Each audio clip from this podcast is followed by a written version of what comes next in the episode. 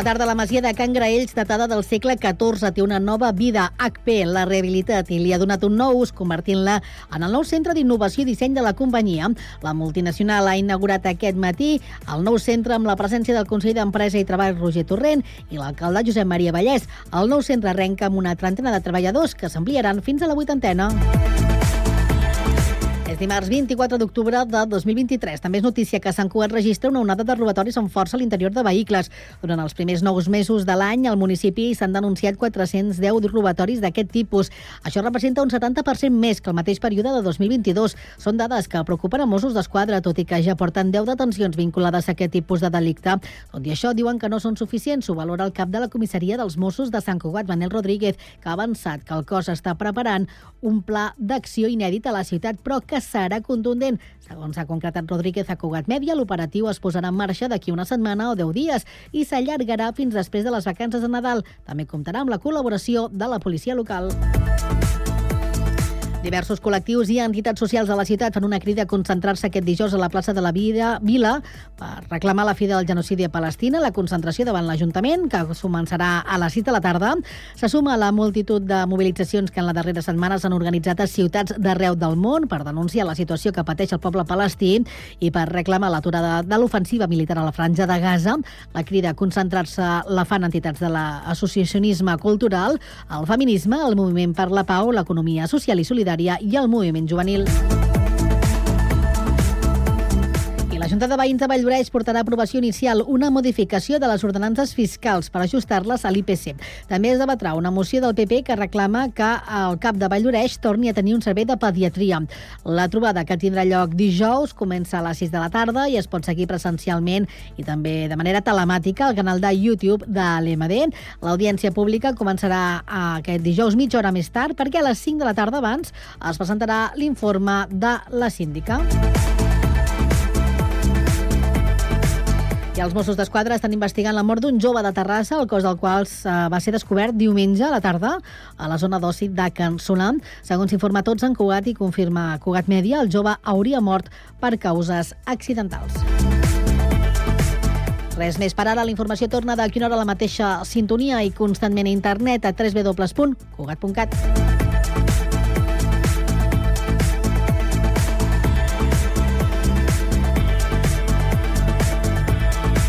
Cugat Mèdia, la informació de referència a Sant Cugat.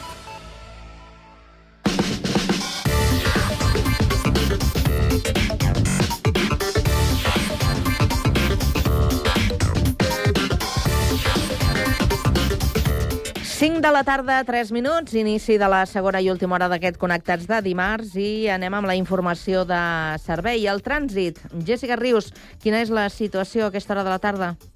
Doncs avui tornem a tenir retencions a la B23 a Sant Feliu de Llobregat en direcció a Barcelona i això de moment és tot segons informa el Servei Català de Trànsit. Doncs eh, comprovem com està funcionant el transport públic. Anem al Transmet. Àlex Cubells, bona tarda. Doncs dimarts, on parlem de normalitat a la xarxa de transport públic. Ara mateix tots els serveis funcionen segons els horaris planificats. Recordem, però, que es manté el tall per obres de desdoblament a la R3 de Rodalies entre Mollet, Santa Rosa i Figaró, efectuant-se el servei de manera alternativa per carretera. Mateixa situació que es repeteix a la R8 entre Castellbisbal i Martorell, on un servei per carretera connecta amb dues estacions. De moment això és tot des del Transmet. Us seguirem informant de qualsevol novetat. A la tarda, no et desconnectis. A la teva ràdio local, connectats. Can't touch this. You can't touch this.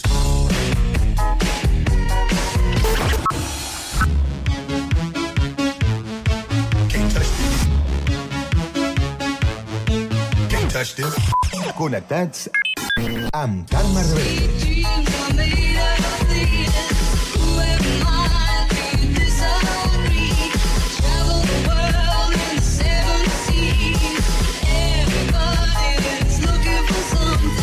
Connectats.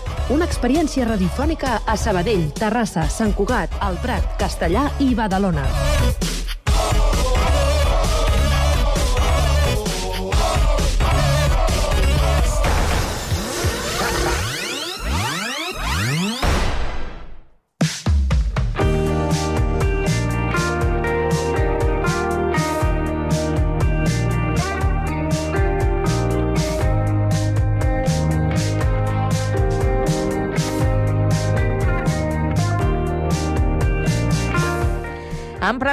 Creativa, treballadora són alguns qualificatius que defineixen la nostra convidada d'avui.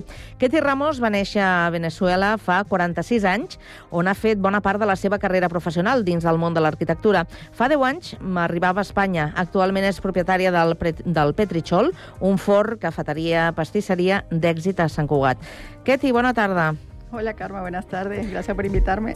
Eh, no, gràcies a tu per, per accedir a explicar-nos una mica la teva, la teva vida, la teva experiència.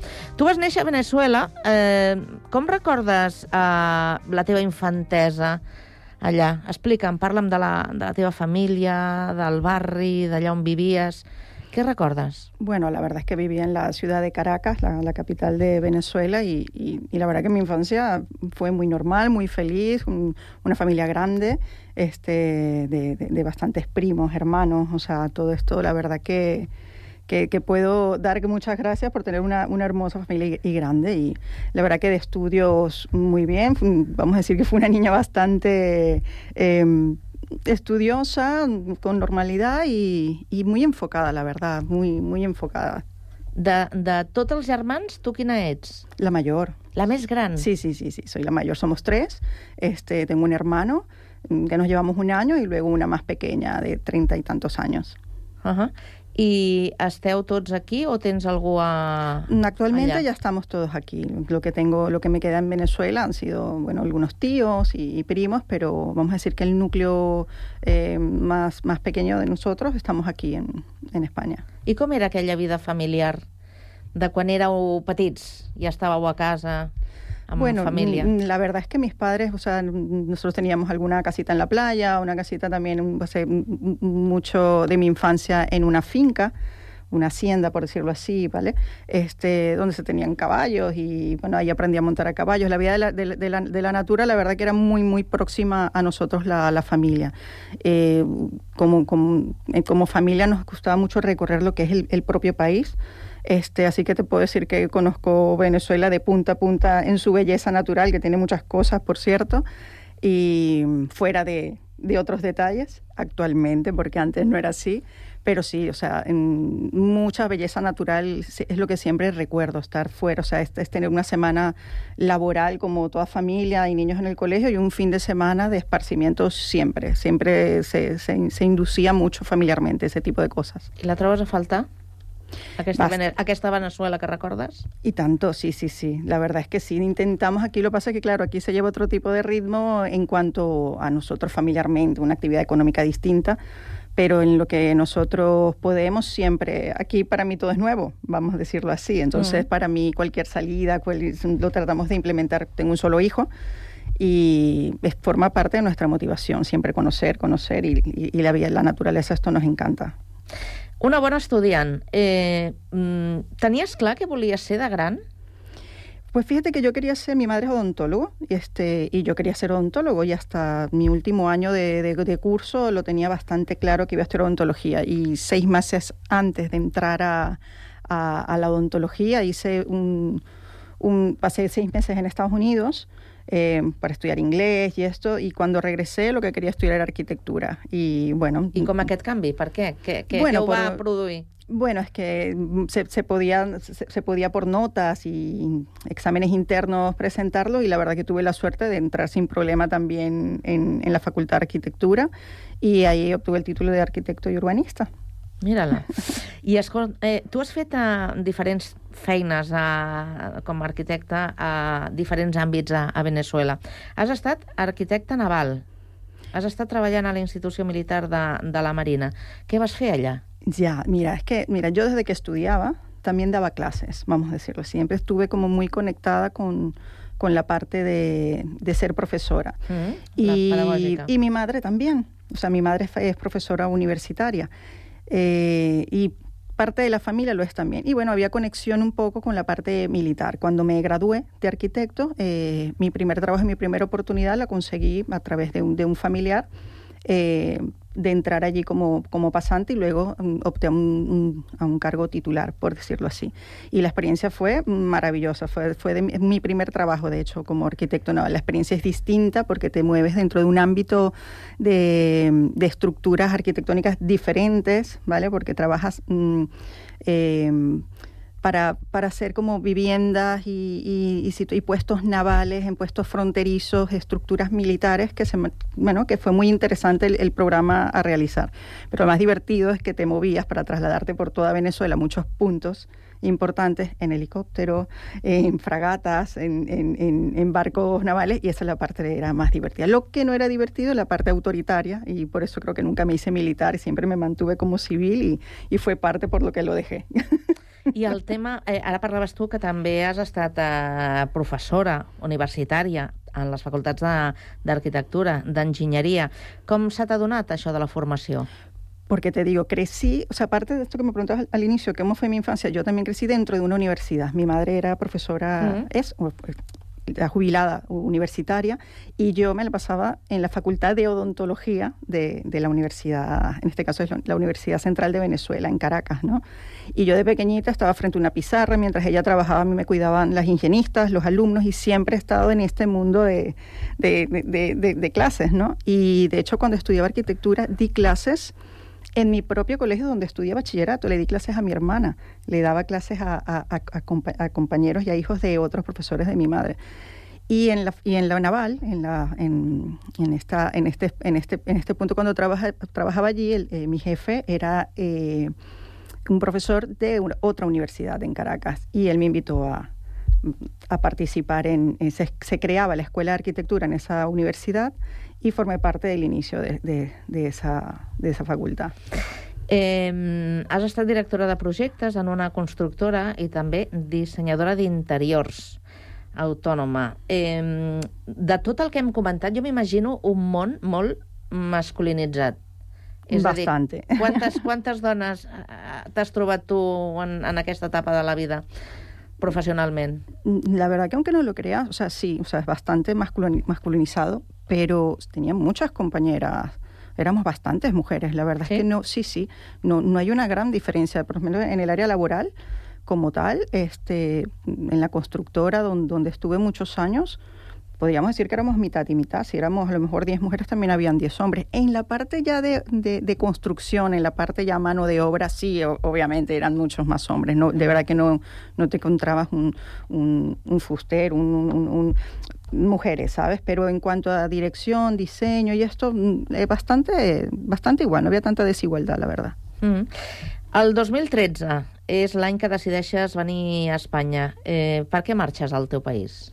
Bueno, realmente la situación política se torna bastante complicada y sobre todo también la cual quizás tú pudieras agu- aguantar o, o esperar ciertos cambios. Bueno, estás en, en una mm, supuesta democracia y, y bueno, vas intentando esperar ciertos cambios políticos, pero es que a la par la parte de la inseguridad se torna realmente bastante insostenible. Nosotros sufrimos bastante acoso en cuanto a robos, atracos, no solamente en la parte laboral, en la parte personal. Entonces ya cuando esta situación te afecta ya mm, tu núcleo principal, pues es cuando te planteas eh, cambiar, sí, dejando casas, dejando propiedades, dejando tu trabajo, dejando tu estabilidad y sobre todo porque tengo un niño, tenía un niño de tres años que antes de pensar que tuviera 10 y 14 años y cambian, cambiarle mm, más tarde su, su, su ambiente o que ya estuviese muy asentado escolarmente, prefería hacerlo de pequeño para que pudiera aprender un idioma distinto mm, y se pudiera adaptar más rápido. Pequeño pienso que no le hubiese costado tanto y por él lo hicimos. Quizás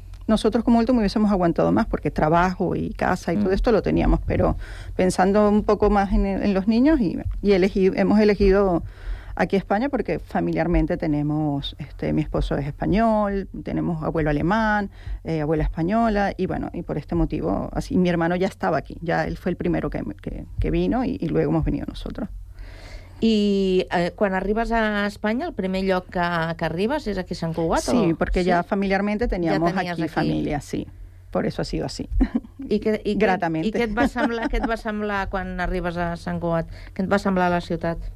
Nos ha encantado porque eh, precisamente el lugar donde nosotros vivíamos allá en Venezuela en la, era mm, a las afueras de, Caracas, es un poco como aquí, San Cugat está como a las afueras de Barcelona. Entonces es un lugar bastante eh, con espacios abiertos, montañas cerca, o sea, la verdad es que tiene una, hay una similitud en cuanto a eso, ¿no?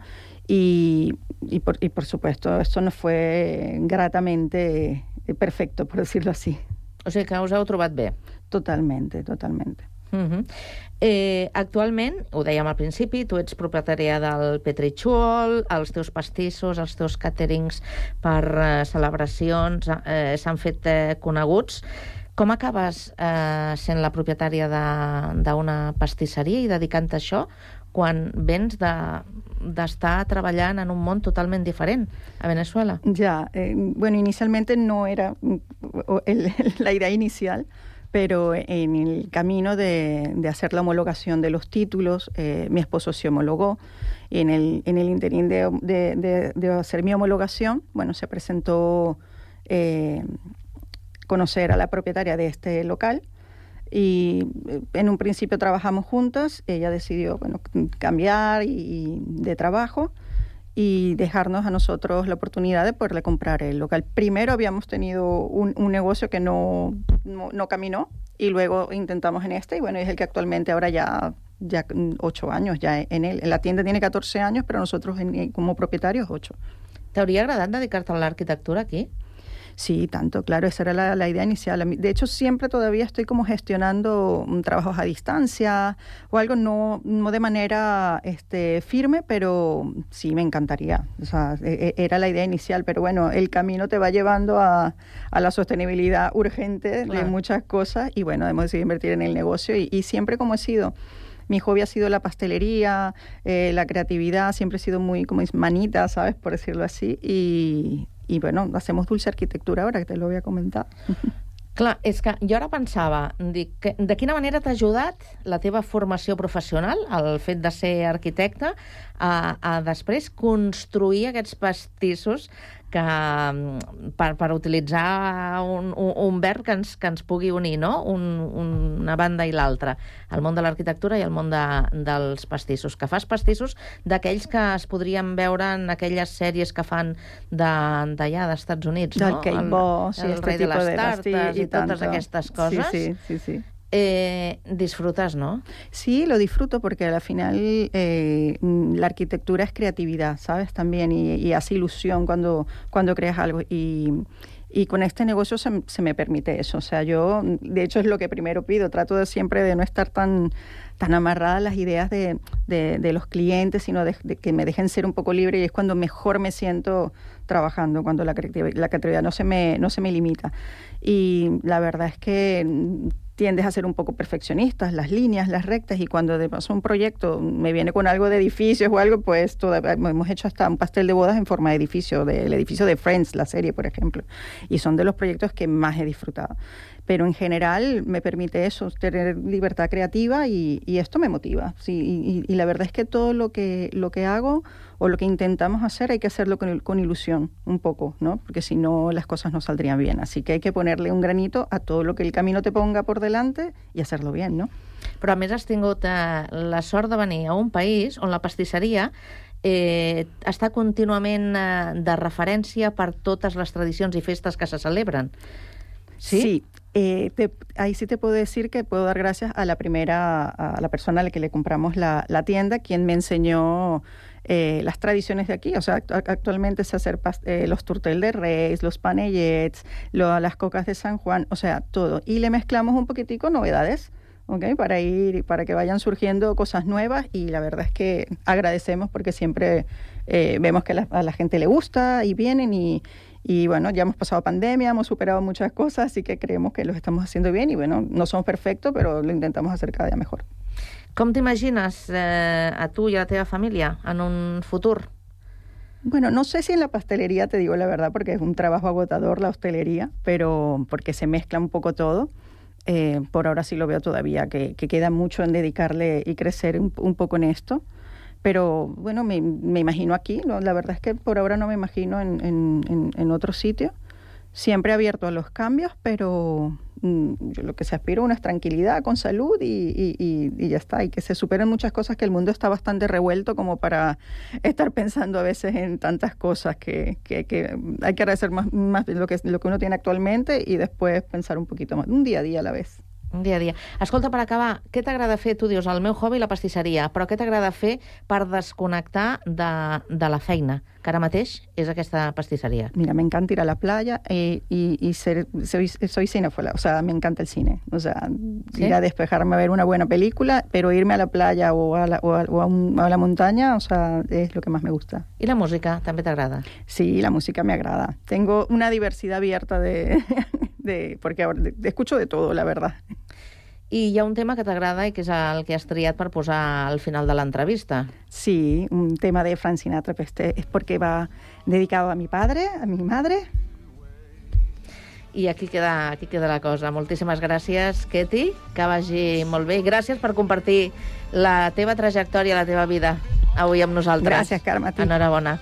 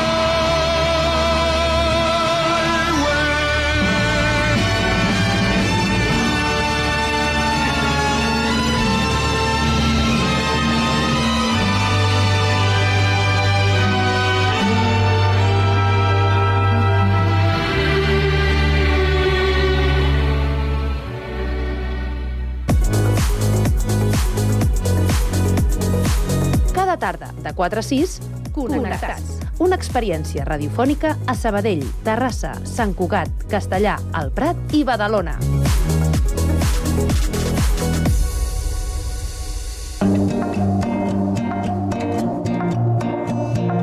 Bocabadats.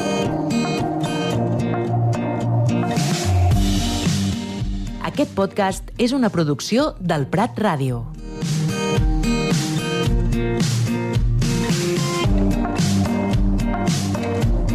Dia a dia ens sorgeixen dubtes lingüístics i moltes vegades no sabem on acudir a resoldre'ls.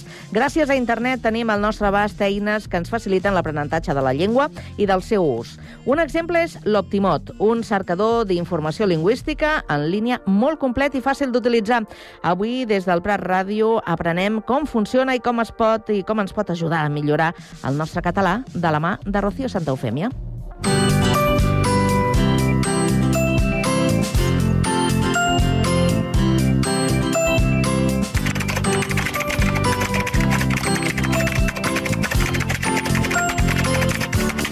Quantes vegades heu dubtat sobre com escriure una paraula o com fer una abreviació de forma correcta?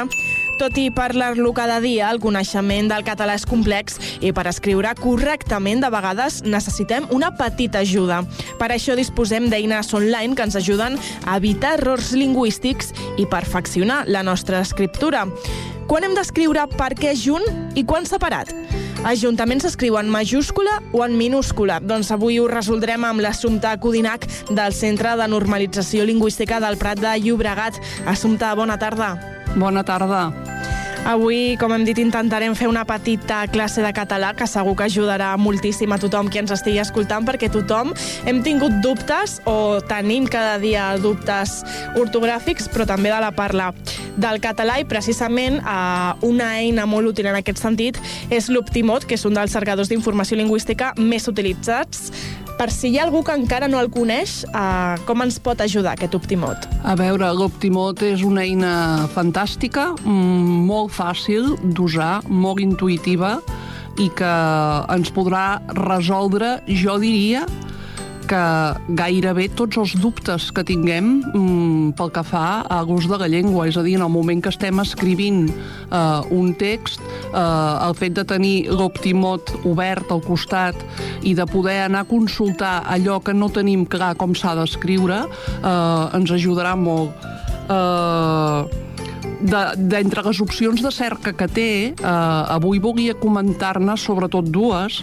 Una seria l'opció de cerca per català-castellà i castellà-català, que, i l'altra seria la de frase exacta.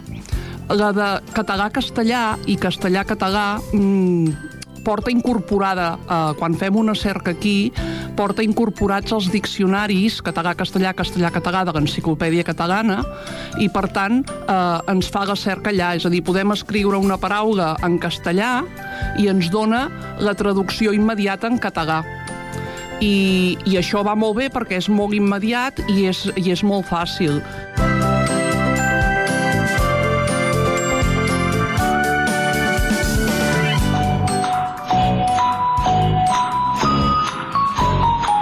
Qui no ha tingut dubtes de vegades, per exemple, doncs, quan estem escrivint, mm, estem parlant d'herbes i dius, ostres, pot ser que sàpigues la, la paraula en castellà i dius, i això com es diu en català?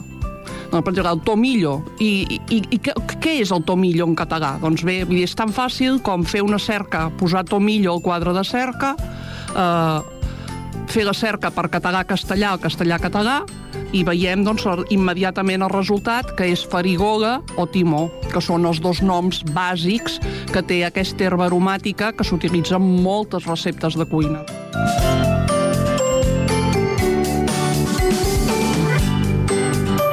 Una altra paraula que presenta dubtes i a mi, per exemple, em passa molt, que és que la cebada en castellà eh, tendim a dir que és cibada en català, i no és veritat. La cebada és ordi en català, d'acord? Per tant, quan tenim dubtes d'aquests, vull dir, amb, amb paraules del tipus que sigui, el fet de poder eh, fer la cerca ens ajudarà moltíssim eh, d'una manera immediata eh, a resoldre el dubte.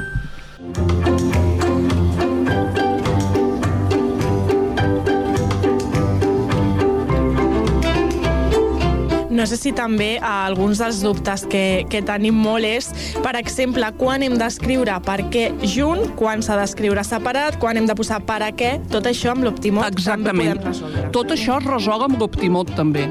Uh, en aquest cas haurem d'anar a una altra cerca, que no és la català-castellà, sinó que hi ha un, un, un botó de, de cerca uh, que és fitxes de l'Optimot. Llavors, només hem d'escriure per què en el quadre de cerca i automàticament ens apareixerà una fitxa. A veure, eh, quan fem una cerca, mm, o sigui, a, a un resultat concret que busquem i podem arribar de diferents vies, que això també és fantàstic, perquè eh, ho fas a classe amb els alumnes i un ho buscarà d'una un, manera i un altre ho buscarà d'una altra manera, però el resultat final és que tots dos arribaran a, a, a resoldre aquell dubte lingüístic, d'acord? En aquest cas, doncs, si fem una cerca del per què eh, per fitxes de l'Optimot, ens apareixerà una fitxa que posa eh, quins són els diferents usos dels perquès, quan va junt, quan va separat, quan és per a què, etc. I quan desplegues, cliques a sobre de la fitxa i automàticament es desplega la fitxa i pots veure eh, tota l'explicació. I això doncs, funciona molt bé perquè, a més a més, mm, t'està fent memòria, t'està recordant eh, la teoria. És a dir, a l'Optimot es pot consultar la gramàtica del català? No. No hi ha tota la gramàtica incorporada. Però sí que s'ha anat nodrint de les diferents consultes que la gent hi ha anat fent i, per tant, permet que eh, puguis resoldre els dubtes i que t'expliqui el per què allò és així o és d'una altra manera. Per tant, quan tu busques els perquès, tens a, a la fitxa l'explicació. A més a més, en general, són unes explicacions molt clares i molt didàctiques, de manera que eh, eh, van molt bé.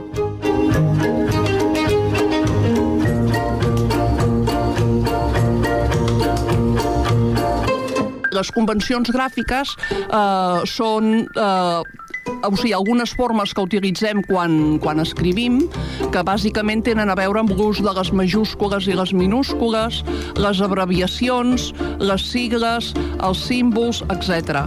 Són tota una sèrie d'usos de, de, la llengua que segueixen unes normes eh, que estan prèviament estipulades, per exemple, pel que fa a les, a les uh, abreviacions, els, les sigles i els símbols tenen una forma ja establerta prèviament que s'ha de, de conèixer, diguem-ne, que quan estudies català, doncs, lògicament, uh, uh, ho treballes i, doncs, a veure, tu no pots abreujar una paraula com et doni la gana. Vull dir, hi ha un, uns models a seguir o uns patrons a seguir a l'hora d'establir allò. Mm, aquella, abrevia, aquella abreviació, no? Eh, quan fas un símbol o això, doncs també, vull dir, tenen unes formes prefixades i són aquelles que s'han de conèixer i s'han d'utilitzar. Això també es pot buscar a través de l'Optimot, eh? Vull dir que posant el nom de la paraula i posant símbol o abreviació o el que sigui, eh, et surt generalment la fitxa dintre de l'apartat de fitxes de l'Optimot, et surt la fitxa que et resol el dubte.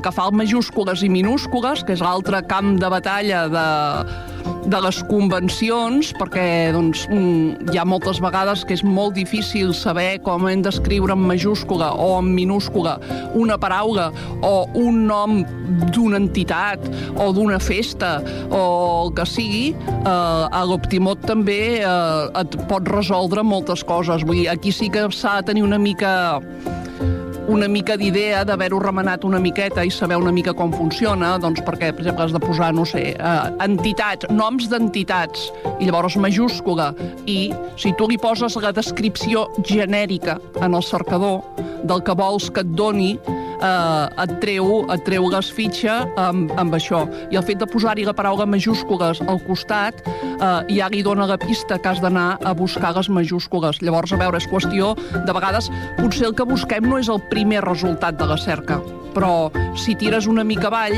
van sortint diferents resultats que contenen eh, més o menys allò que li has posat al quadre de cerca i de vegades doncs, ho trobes en el resultat 5 o el 6, el 7, vull dir que també és qüestió de mirar. I el que té de bo l'Optimot quan fas això és que a base d'usar-lo i d'anar-lo manejant, vas veient resultats. I de vegades dius, oi, mira, aquesta fitxa no sabia que hi era. I, i, i et clica l'atenció perquè dius, com es diu no sé què.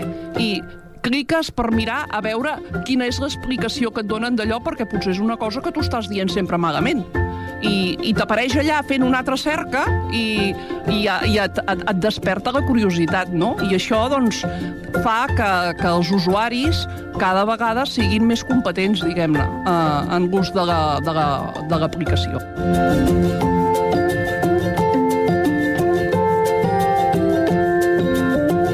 Quin consell donaries a aquelles persones que ens estan escoltant i que no l'han fet servir mai uh, per el seu primer contacte amb l'Optimot? Perquè és cert que és una eina uh, molt fàcil d'utilitzar, sí que s'ha de buscar una mica més enllà depenent del que necessitem, però per una persona que no l'ha fet servir mai, que potser té por de no saber-la utilitzar, què podem no, dir-li? Que no tinguin gens de por que és molt fàcil que hi entrin, que, que prosin, evidentment, eh, en el quadre de cerca, per exemple, doncs, quan fas una cerca bàsica has de respectar el que faríem quan busquem un diccionari. Vull dir, tu no pots buscar eh, cantaràs, has de buscar cantar si estàs buscant el verb, d'acord? O no pots posar eh, eh, paciències, has de buscar paciència, és a dir, a, a, a seguint els mateixos criteris que seguiríem en una cerca normal de diccionari, posant la paraula allà eh, et surt. Després hi ha una altra cosa i és que hi ha, hi ha una pestanya on hi ha els dubtes freqüents, mm -hmm. que de vegades dius és que busco això i no me'n surto. Doncs aquesta pestanya de, de, dub, de dubtes freqüents també dona moltes pistes sobre com utilitzar l'Optimot i sobre eh, quines coses cal tenir presents a l'hora d'utilitzar-lo. I que, que és molt interessant també, doncs, de vegades entrar-hi i llegir-s'ho, mirar eh, què explica allà, en l'apartat de dubtes freqüents.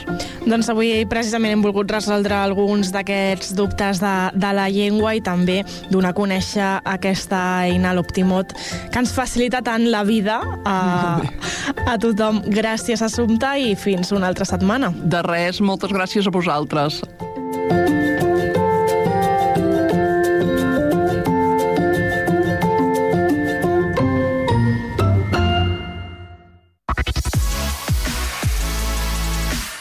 Connectats, una experiència radiofònica a Sabadell, Terrassa, Sant Cugat, El Prat, Castellà i Badalona.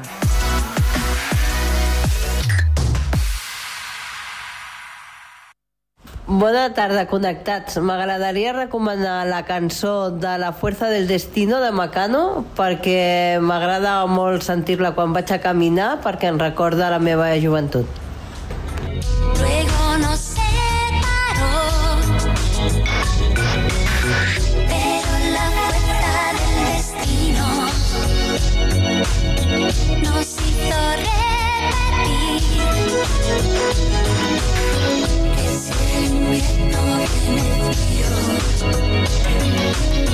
Quiero estar junto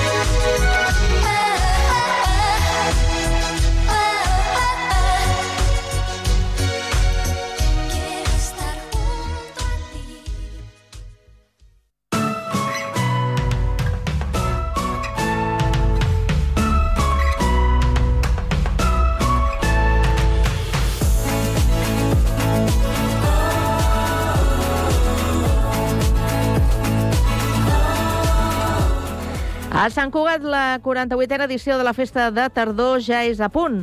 Aquest cap de setmana, les entitats de la ciutat ompliran de nou la plaça d'Octavià.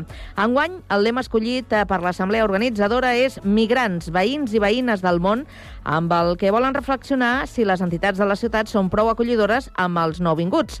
Albert Soler parla amb dos membres de l'organització. Saludem a Toni Ramon i Laia Travé, que pertanyen a l'Ateneu Sant Cugatenc, tot i que avui no venen a parlar del seu llibre, eh, com diríem, sinó que eh, venen a parlar de la Festa de la Tardor. Benvinguts. Gràcies, bon dia. Bon dia. Molt bon dia. Com esteu? Bé. Sí, tot a punt? Ja està tot a punt? Queda una setmana i mitja, però podem dir que està tot a punt o no? Quasi, quasi. Quasi bé. Sempre en aquells serrells, eh, que va, per acabar de tancar. Algun canvi d'última hora, coses així. Però bé, bé. Molt bé. Um, ahir es va fer oficial el, el, el programa, no? Com a mínim el, el veu enviar als mitjans de, de comunicació. En principi aquest és el programa definitiu, o com que has dit ara això del canvi, potser... Bueno, just venia parlant d'un possible canvi, però ja ho arreglarem, que l'estem mirant. Molt bé, perfecte. Uh, recordo que la Festa de la Tardor es farà el cap de setmana del 28 i 29 d'octubre, tot i que hi ha una prèvia, el dijous 26, amb una taula rodona. Primera pregunta, de què es parlarà aquest, en aquest acte previ i quin és el lema o eix central de- d'aquesta 48a edició? Aquest any les entitats, a l'Assemblea d'Entitats, han decidit que el lema sigui migrants, veïns i veïnes del món per parlar la problemàtica de la immigració que tenim aquí a Sant Cugat o bueno, tot el que inclou i si les entitats som inclusives o no inclusives, o la ciutat és inclusiva o no inclusiva amb, amb gent eh, això, que ha migrat i quins problemes, quins conflictes es troben, també vist sobretot des de la seva visió, o sigui, quines polítiques es fan, però també intentar que ens transmetin elles què, què podem fer les entitats per incloure-les no? en el teixit associatiu de Sant Cugat. I per això tenim a l'associació col·lectiu Via Yala, això és una mica difícil de pronunciar, però és una entitat que treballa amb persones eh, de Colòmbia, sobretot, però bueno, gent immigrada que ve aquí i, i intenta doncs, que se sentin acollides. No?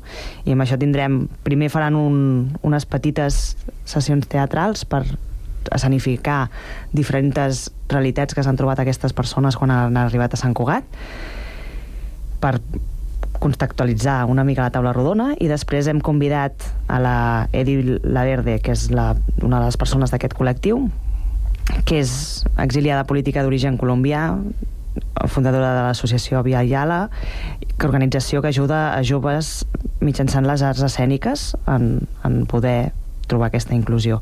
Després hi ha l'Ares Perceval, que és d'Unipau, que ens donarà el contrapunt amb quines entitats d'aquí també ajuden a, en aquesta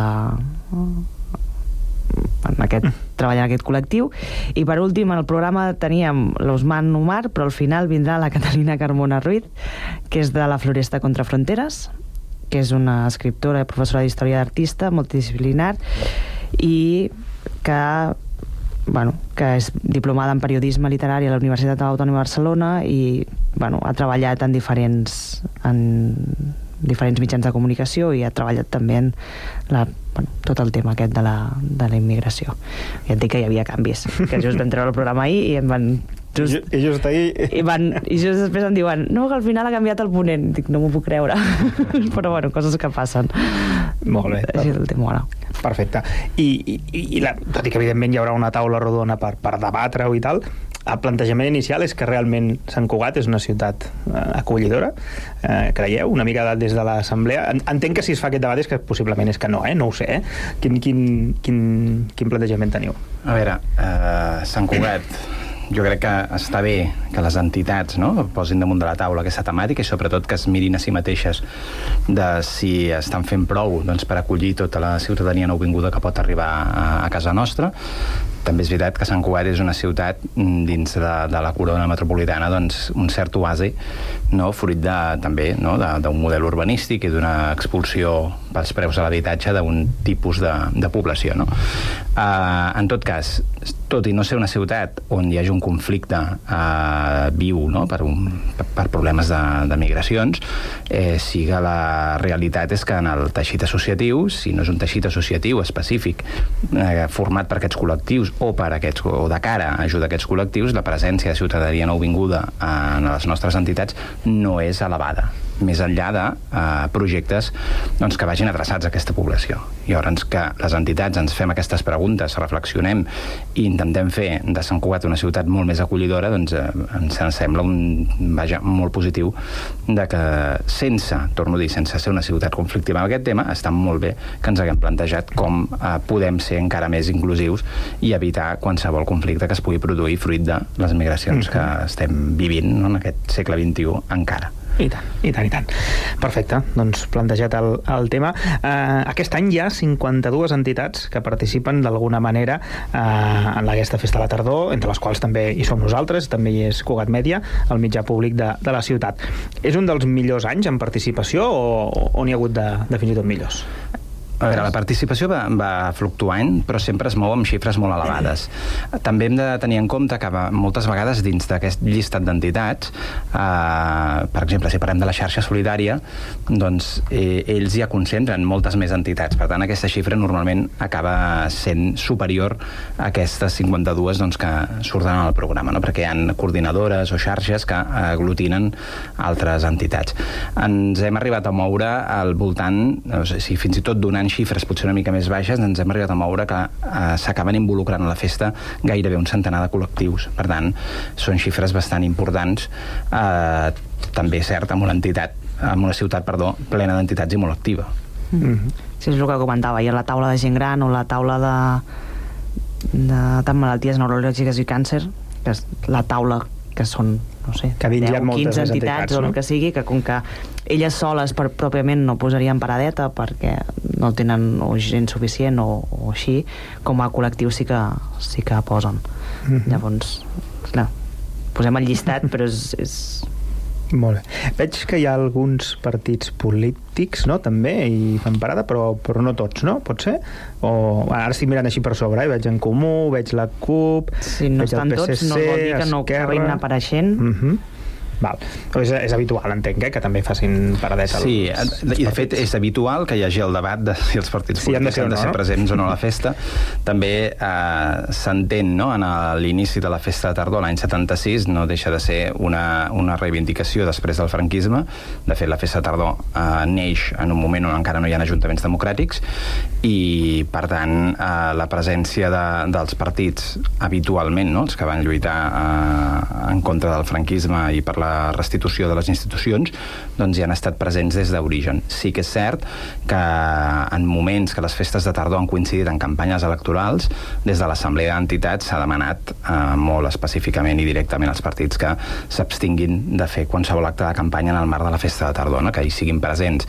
Per històric de la festa de tardor és una cosa que no es pot negar, però eh, sí que es demana doncs, que tinguin una visió molt de ciutat, molt de participació i no de, de gran míting o de campanya. Mm -hmm. Molt bé. I la...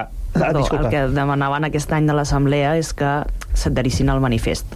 És a dir, ja s'ha fet un manifest conjunt parlant de la, del, del lema en qüestió.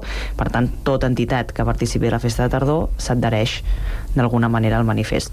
Mm -hmm. Llavors... Molt bé.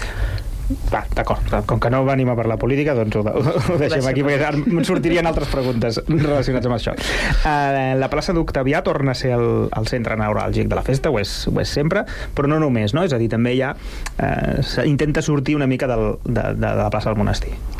Bueno, bàsicament sí que es concentra a la plaça Octavià, llavors una mica rodalies, de, sí que utilitzen la plaça 1 d'octubre per més Mhm. concerts, sobretot el, el Sant Cugat, que, que estarà allà el dissabte a la tarda, o les sardanes el diumenge al matí, uh, però la fira en si sí que serà a la plaça Octavià, i després hi ha alguna activitat als Jardins del Pagalí Joan per proximitat o així, però Mhm. sí, bàsicament les entitats es troben, es fan seva a la plaça Octavià. Sí, això sí que és un històric que mm, menys l'any de les obres o els anys de les obres a plaça Octavià i l'any postpandèmia que es va fer a la Rambla al Celler per un tema de, de seguretat, no? de, de Mhm. distància entre persones i parades, eh, sempre s'ha fet o als jardins de, de l'Hort de l'Abat o a, o a la plaça Octavià.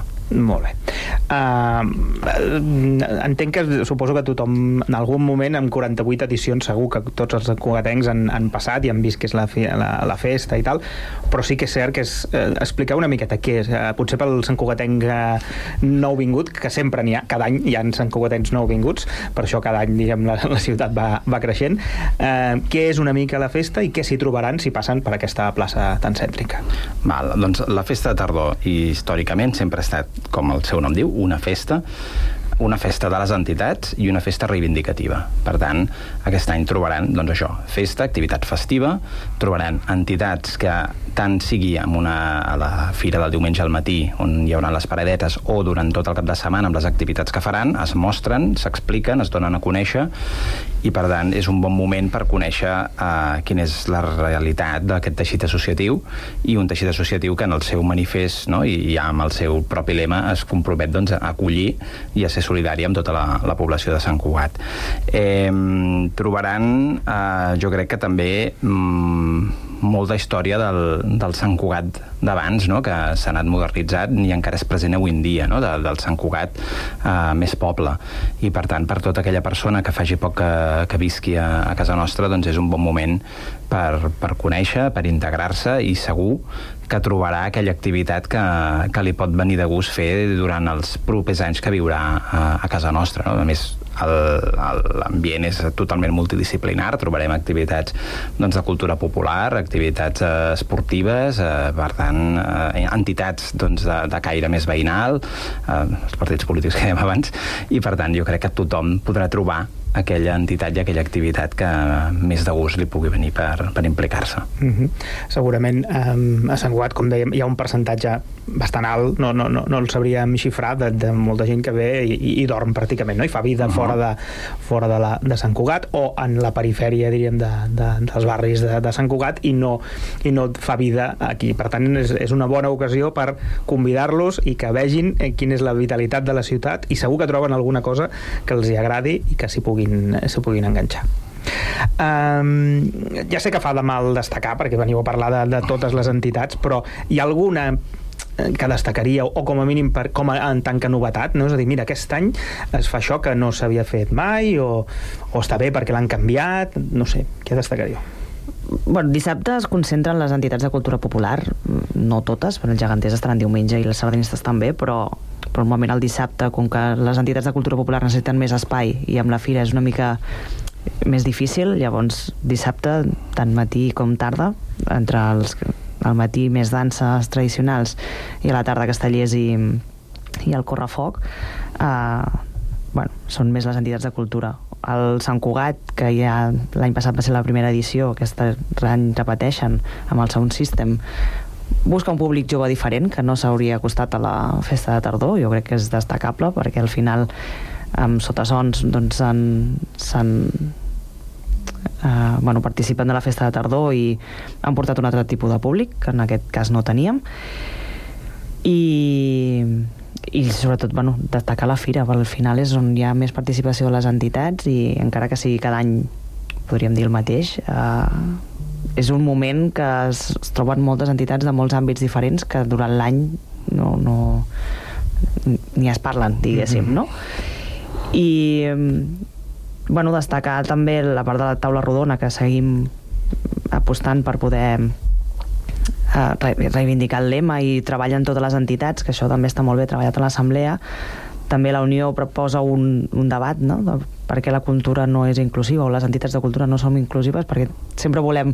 Totes les entitats tenen la reflexió de si estem oberts a tothom, però després la realitat és que no acaba venint tothom a les entitats, no? I poder fer aquest debat i que les entitats s'ho plantegin també és interessant. No sé. Molt bé, va, doncs, Déu-n'hi-do, déu nhi déu ja, ja és un bastant repàs ràpid de tot, per on, eh? per on Perquè és difícil. i remenar. He vist també en el programa que ja, diríem, ja han començat un parell de- d'exposicions, bueno, de fet és la mateixa, no? Pel nom, Som Territori, Defensa Ecofeminista Són similars. O similars, no? Sí. Què són i, i diguem, es poden veure ja i, i acaben el, el, el dia que acaba la, la pròpia festa de tardor, que és el 29 d'octubre. Sí. Uh, és, és una entitat que està dins la xarxa solidària, per exemple no surt en el llistat perquè està dins la xarxa, però si us passegeu pel casc antic i per la Rambla del Celler podreu, podreu veure aquestes exposicions que són fet, fetes amb, des d'aquí però també en diferents territoris i, i és interessant la reflexió que et porten a fer. Mm -hmm. Molt bé, i de, de què va? O sigui, eh, entenc que va la línia del, del, Són- del lema principal, no? Sí, són fotografies de, de diferents eh, mostres de dones de, de diferents conflictes eh, que estan, bueno, que han anat fent el treball així en, en diferents Mhm. punts a, a distància i eh, jo us recomano que l'aneu a, aneu a buscar les Perfecte. diferents fotografies que es poden veure als balcons i a la Rambla del Celler. Molt bé, doncs eh, ens hi passarem. I abans de- d'acabar, vinga, va, un, com que us deixo parlar una mica del vostre llibre, què hi farà la- l'Ateneu en aquesta festa de la tardor? Bueno, l'Ateneu, eh, sabeu que des de fa ja uns quants anys té aquest paper de, bueno, de logístic de, de la festa i per tant doncs, de, a partir de tot allò que manin no, les entitats en les assemblees i el seguiment que en fa la comissió doncs, de- de- d'executar i de fer possible que la, que la festa sigui una realitat. No?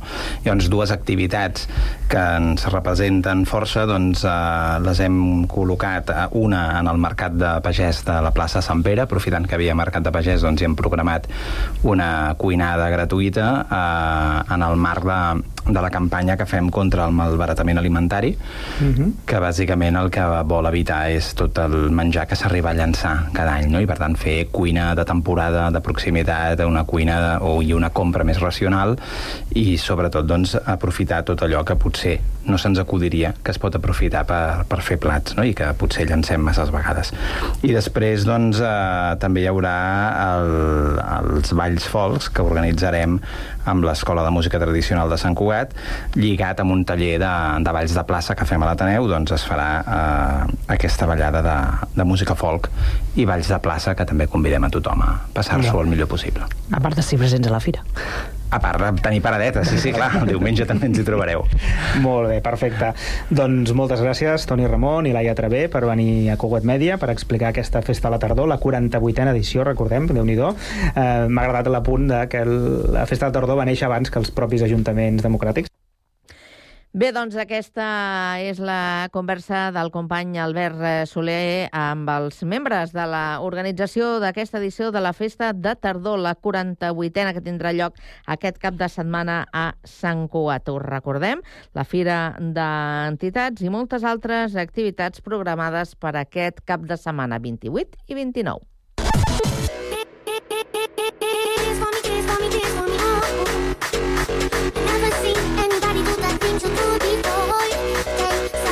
Connectats, una experiència radiofònica a Sabadell, Terrassa, Sant Cugat, El Prat, Castellà i Badalona.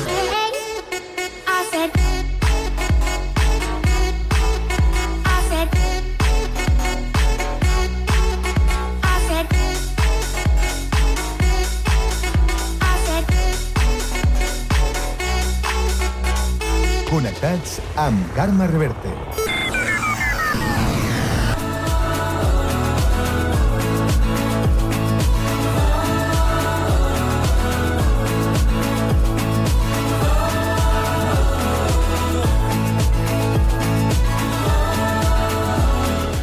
Fins aquí ha arribat aquesta edició de dimarts del Connectats. Eh, demà més arribarem amb una edició nova, diferent, serà la de dimecres. Gràcies a tots per la companyia.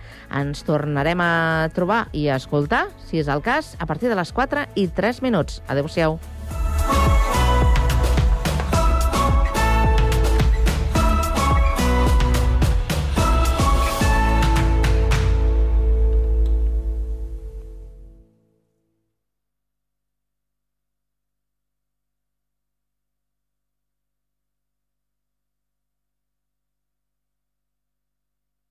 Cugat Ràdio 91.5, la ràdio de Sant Cugat.